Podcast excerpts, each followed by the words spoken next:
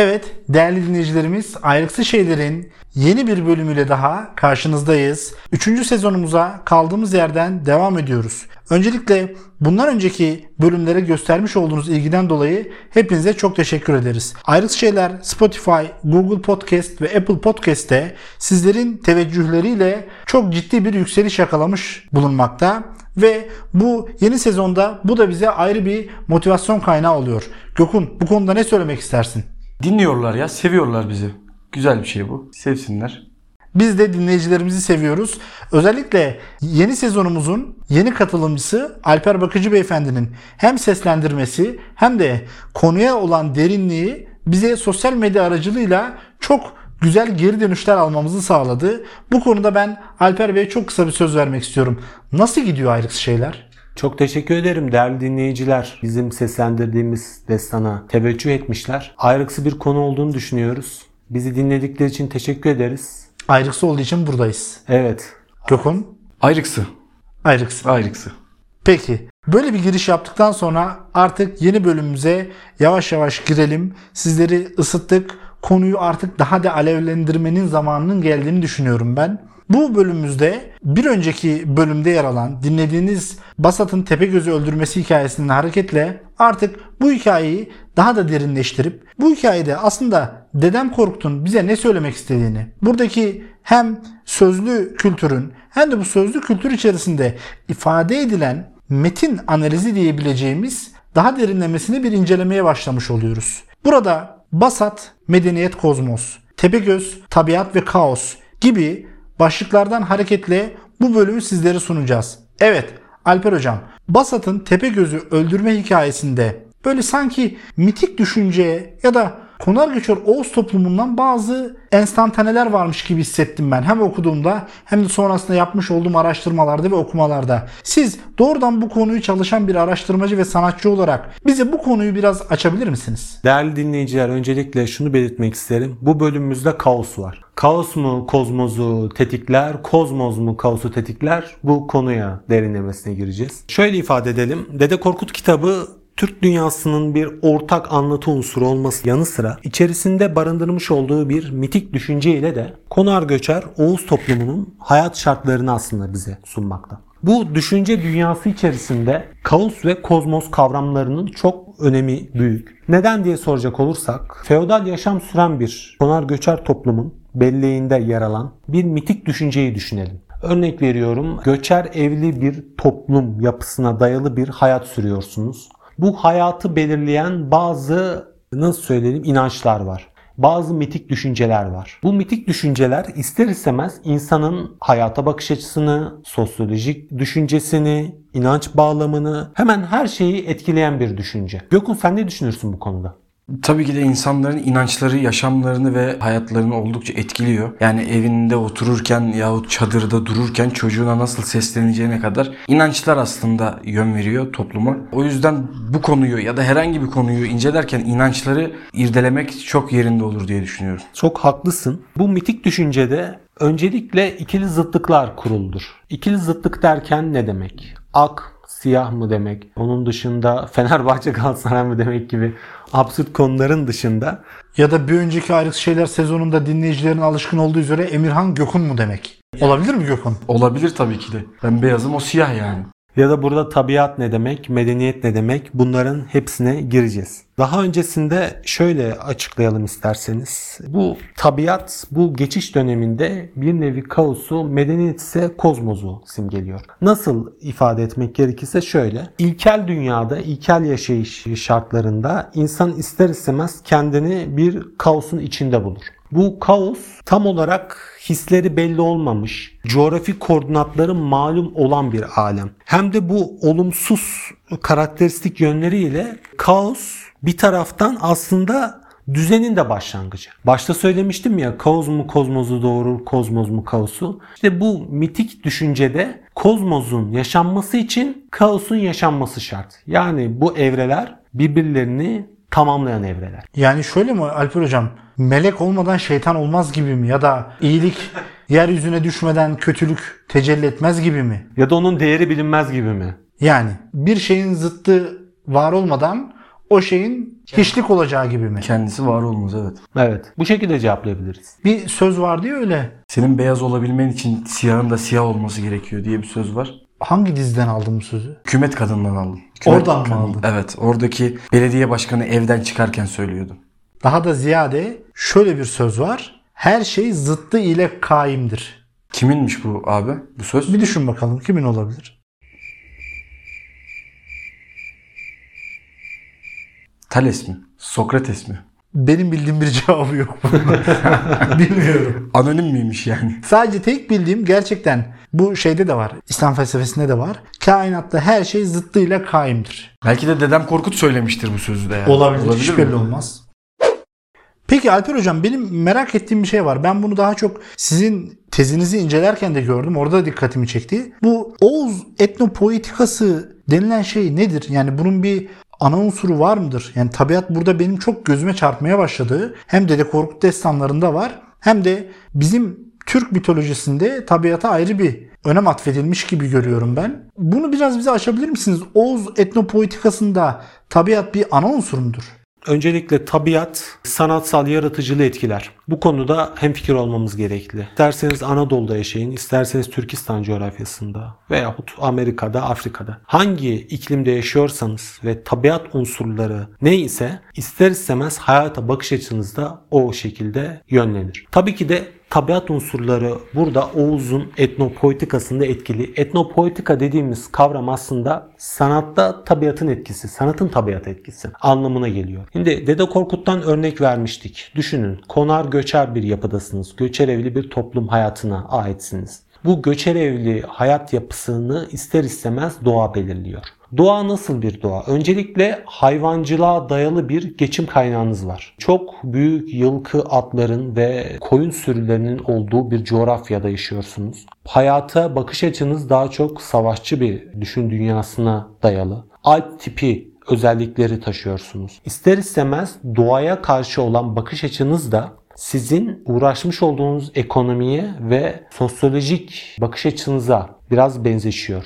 Tabii benzemez olur mu Yani, yani? Dede Korkut hikayelerinde kesinlikle bunu görüyoruz. Tabii doğru. Çok doğru. Mesela öbür bölümde destandan bahsederken de aslında orada gördük. Salahana kayasında yaşayan bir tepegöz görüyoruz. Diğer destanlardan örnek vermek gerekirse Kazan oğlu Aruz'u aramaya gittiğinde kaba ağaçtan ve dağlardan bir haber almak için dağ ile akarsu ile konuştuğunu görüyoruz. Tabiat o kadar canlı ki bu canlı tabiat içerisinde ister istemez insanın hayata bakış açısı da benzetmeler de epizotlar da bu tabiata dayalı bir anlayışa hakim. Şimdi burada Oğuz etnopoetikası tabii ki de tabiata dayalı. Bu tabiatı belirleyen konu öncelikle göçerevli bir hayat. Göçerevli hayatın ana konusu koyun sürülerine koyun sürüsü üzerine bir ekonomiye sahip olma yani hayvancılık üzerine ve dışa dönük karakter olma. Yani hayvan sürüleriniz var. Zorlu bir coğrafyada yaşıyorsunuz ve hayatınızı idame ettirmek için düşmanlarla savaşmak zorundasınız. Böyle ifade edebiliriz. Basat'ın Tepegöz öldürdüğü destanın başında da hatırlıyorsanız ne diyordu? Merhanım Oğuz'un üstüne düşman geldi. Oğuz'u burada Oğuz yapan nedir? hızlı olması, çevik olması, atik olması. Yani açık bir alanda yaşadığınız için her an harekete dayalı ve bir o kadar da hızlı düşünebilecek bir yöntem seçmeniz gerekli hayatta kalmanız için. İşte etnopoetika dediğim konu bu. Bir de ben şöyle bir katkı yapmak isterim. Hani dediniz ya burada Oğuz'un yaşadığı bir bölge var. Oğuz'un bu göçebe hayatı içerisinde konduğu bir bölge var ve bu tepe gözünde arada ırmakların olduğu ardından dağda yaşamaya başladığı kendine ait bir alanı var. Evet. Ben daha önceki çalışmalarımdan hareketle burada bir kent teorisi aklıma böyle bir şey geldi benim ama ne dersiniz bunda? Örneğin şu, şunu söylemek istiyorum. Mesela bugün bakıyoruz toplumun dışladığı ya da günümüzdeki merkezi toplumun, merkezde yaşayan toplumun çevresini oluşturan daha alt gelir grubuna mensup ya da toplumun tipoloji olarak, sosyokültürel olarak daha altında bulunan insanların yaşadığı bölgeler hep merkezin dışında bölgeler gibi. Bana biraz bu Basat'ın Tepegöz'ü öldürmesi hikayesinde Tepegöz'ün Oğuz içerisinden artık yaptığı hareketlerden dolayı kovulup dağa gönderilmesi bana biraz bugünün dünyasını da anımsattı. Yani biz de bugün genel olarak sorunlu olarak gördüğü ya da sorun yarattığını düşündüğü kitleleri şehrin daha dış taraflarında, kentleşmenin girmediği alanlarda yaşadığını görüyoruz. Burada da sanki Tepegöz şehrin merkezinden alınıp sökülüp şehre uymadığı için, şehir hayatına uymadığı için, buradaki insanlara zarar verdiği için şehrin dışına sürgün edilmiş gibi bir izlenim uyandırdı bende. Gökün burada böyle bir anlam kurabilir miyiz sence? Ben katılmıyorum buna çünkü hikayede Tepegöz'ün Oğuz ilinden ayrılmasının sebebi Oğuz ilindeki yaptığı kötülükler diye toparlayalım orayı. Zarar veriyor insanların çocuklarına, zarar veriyor ailelerine zarar veriyor. Artık kendilerini geçindiremeyecek hale geliyorlar Tepegöz yüzünden ve diyorlar ki bu bize zarar veriyor ve onu daha uzakta bir yere sürgün ediyorlar. Bu- Bugün günümüzde baktığımızda tam öyle bir iklim yok aslında. Yani şehrin içindekiler onları şehrin dışına göndermiş değil de onlar şehir hayatına uyum sağlayamayacakları için ya da kendinden olanlarla toplu bir ortam ya da toplu bir mahalle kurmak istedikleri için kendileri gidip uzakta şehirleşmenin olmadığı yerde ikamet etmeyi tercih ediyorlar. Gönüllü gidiş gibi mi bu biraz da? Tepegöz'ünki zorlamaya dayalıydı. Evet sürgün Olabilir. o. Aslında cezasıydı o onun. Buradan şöyle bir şey de söyleyebiliriz. Aslında bunlar da birbirinin zıttı ya da zıttımsı ögeleri oldukları için bu konuyu bize böyle anlamlandırmış olabilir. Alper hocam bu peki sanatsal düşünce tabiatta gizlidir. Bu konuya dönecek olursak hem Oğuz'un etnopolitikasında tabiatın bir ana unsur olması hem de bu zıtlıklardan hareketle bu sanatsal düşünce sadece ilhamını tabiattan mı alır sizce? Yani Dede Korkut hikayelerinde Dede Korkut'un söylemleri, çalgıları, bizim bugün Dede Korkut hikayelerinin arasında dinlediğimiz kopuz ezgileri ilhamını doğrudan tabiattan almıştır diyebilir miyiz? İlhamını doğrudan tabiattan almıştır belki diyemeyiz ama anlattığı konuların tabiatla çok ilişkili olduğunu söyleyebiliriz. Yani %100 bir e, nasıl söyleyelim sonuçta savaşçı altyapınız evet belki tabiat şartları da etkileyebilir ama tabiata dayalı bir anlayış da burada çok ağır basmakta. Tabiata dayalı bir anlayış ağır bastığı için ister istemez konulara giriliyor. Bir de ondan önce daha önce vermiş olduğunuz örnekle alakalı ben de bir konuşmak istiyorum o şehirleşme konusunda. Evet güzel örnekler verdiniz. Fakat bu destan içerisinde biz modern okur olarak bunu okuduğumuzda böyle bir ayrımı gidemiyoruz. Yani şunu demek istiyorum. Siz dediniz ki Tepegöz dışlanmıştı. Tepegöz bir nevi sürgün edildi. Gitmek zorunda kaldı. Aslında Tepegöz dışlanmadı. Tepegöz burada kaosu simgelediği için yani düzen içerisinde bir düzensizliği simgelediği aslında Tepegöz hep düzensizlik üzerine bir nevi hayatını devam ettirdiği için onun kovulup kovulmamasından ziyade Destan'ın burada bize asıl anlatmak istediği konu çok farklı. Yani şunu ifade etmek istiyorum cümlelerimi toparlarken. Tepegöz burada e, kaosu simgeleyen bir varlık olarak aslında Oğuz toplumunda medenileştirilmeye çalışıldı. Fakat ona rağmen medenileşemedi. Burada aslında suç yalnızca Tepegöz'ün medenileşmemesi değil. İlk başta kaçırdığımız çok önemli bir konu var. Burada bir suç işlenmiş ve bu suç Tepegöz'ün değil Oğuz toplumunun suçu. Bu konuda da şunu söyleyebiliriz. Kamal Abdullah'ın Kaos Kozmos konusunda bir saptaması var. Kaos Kozmos kendi içerisinde tabiat, medeniyet ve kural kuralsızlık olarak ayrılır diyor. Şimdi bu devir öyle bir devir ki siz tabiat içerisinde yaşıyorsunuz. Fakat Dede Korkut hikayelerine de bir dipçe ekleyelim. Dede Korkut hikayeleri göçer evli toplum yapısına uygun bir hayat şartını bize sunarken bir o kadar da artık toplumun yeni yeni medeniyete yani yerleşik kültüre doğru geçtiği bir dönemi de ele almakta. Şimdi buna edebiyattan şöyle bir örnek verirsek, dinleyicilerimizle bilgilendirirsek iyi olur konuyu anlamak açısından. Metinler arasılık denilen bir kavram vardır. Nedir bu? İnsanoğlu işte doğumundan ilk çağlardan günümüze kadar farklı evrelerden geçti. Mesela insanoğlunun ilk ürünleri nedir? Mittir. Bazı mitler vardır. Mitten sonra destan, destandan sonra efsane, efsaneden sonra hikaye, masal. Bugün modern okul olarak roman. Şimdi biz bugün modern okul olarak yazılı kültür dönemini yaşayan insanlarız. Yazılı kültür dönemi insanı giriş, gelişme ve sonuç bölümlerinin hani merkeze alındığı ve buna edebiyatta Freytag piramidi denir. Bir süreç yaşayan, gerektiğinde duygularını ön plana çıkartan, gerektiğinde kendime söylemesi, acısıyla tatlısıyla bir bir edebi romanı yaşayan ve içinde yaşayan yaşayan bir topluluk. Fakat bu Dede Korkut hikayelerinin yazıldığı dönem destansı özellikler taşımakla birlikte aslında medeniyete yani yerleşik medeniyete doğru geçiş sürecini de bizlere aktarıyor. Toplum orada yerleşiklikle ilgili sancılar çekiyor. Tepegöz burada yerleşikliği değil tabiatı simgeliyor ve bu toplum artık tabiattan medeniyete doğru evrildiği için bu toplum için medeniyete dönüş yasak. Yasak olduğu için Tepegöz her ne kadar medenileştirilmek de istense elinden gelmeyen sebeplerden dolayı medenileşemiyor. Aslında biz burada bu destanda dinleyicilerimize de başında dedik ya bu destanda kaos var diye. İşte kaos buradan oluşuyor. Yani kaos mu kozmozdan çıktı, kozmoz mu kaostan çıktı sorusunun cevabı bu. Tabiat mı medeniyetten çıktı, medeniyet mi tabiattan gibi. Terry Eagleton der ki kültür mü doğayı şekillendirir, doğa mı kültürü? En sonunda şu cevabı verir. Doğa kültürü şekillendirir. Yani siz istediğiniz kadar bugün modern hayat örnek verelim. Binalar yapın. Güçlü binalar yapın. Japon örneğini verelim. Dünyanın en güçlü devletlerinden biri. Tustan bir vuruyor darmadağın oluyor. Evet, evet, evet. Yani kültürü oluşturan şey kesinlikle tabiattır. Ama ben burada bir soru beynimde böyle bir şey yankılandı. Ayrıksı bir düşünce mi tecelli etti? Şu an ayrıksı mı bilmiyorum. Söyledikten sonra ayrıksı Buyurun, dinliyoruz. Dedem Korkut bunu yazarken ya da işte yazan oluşturan kimse bir kişi olmaya da bilir demiştik Dede Korkut. Böyle derin bir mana gerçekten içine koydu mu? Yoksa biz şu an kendi akli düşüncelerimizle ve düşsel dünyamızda bunu ürettik mi? Yani o dönemde yaşayan insanlar ya doğa var. Doğa tepegöz olsun. Oğuz boyları doğaya ayak uydurmaya çalışıyor falan falan böyle derin bir manayı oluşturabilecek edebi ve aslında dil olarak da düşünsel dünya olarak da böyle bir yetkinliğe sahipler miydi? Çünkü ben bu hikayeye ilk baktığım zaman düzene karşı gelen bir e, karakterimiz var. Düzen var. Düzene karşı gelirsen düzenin dışına itilirsin ve zarar görürsün. Yani bunu çocuklara anlatıldığını varsayarsak düzene karşı gelmeyin diyor. Düzene karşı gelmeyin, uyum sağlayın. Herkesle birlikte olun, aykırı gitmeyin diyor aslında. Hikaye büsbütün bunu söylüyor. Basit olarak baktığımız zaman. İşin alt kısmına indiğimiz zaman kozmos işte doğa, e, medeniyet bu işler giriyor. Bu bağlamda bakıldığı zaman bence yani bir ihtimal e, kesin öyle diye demiyorum.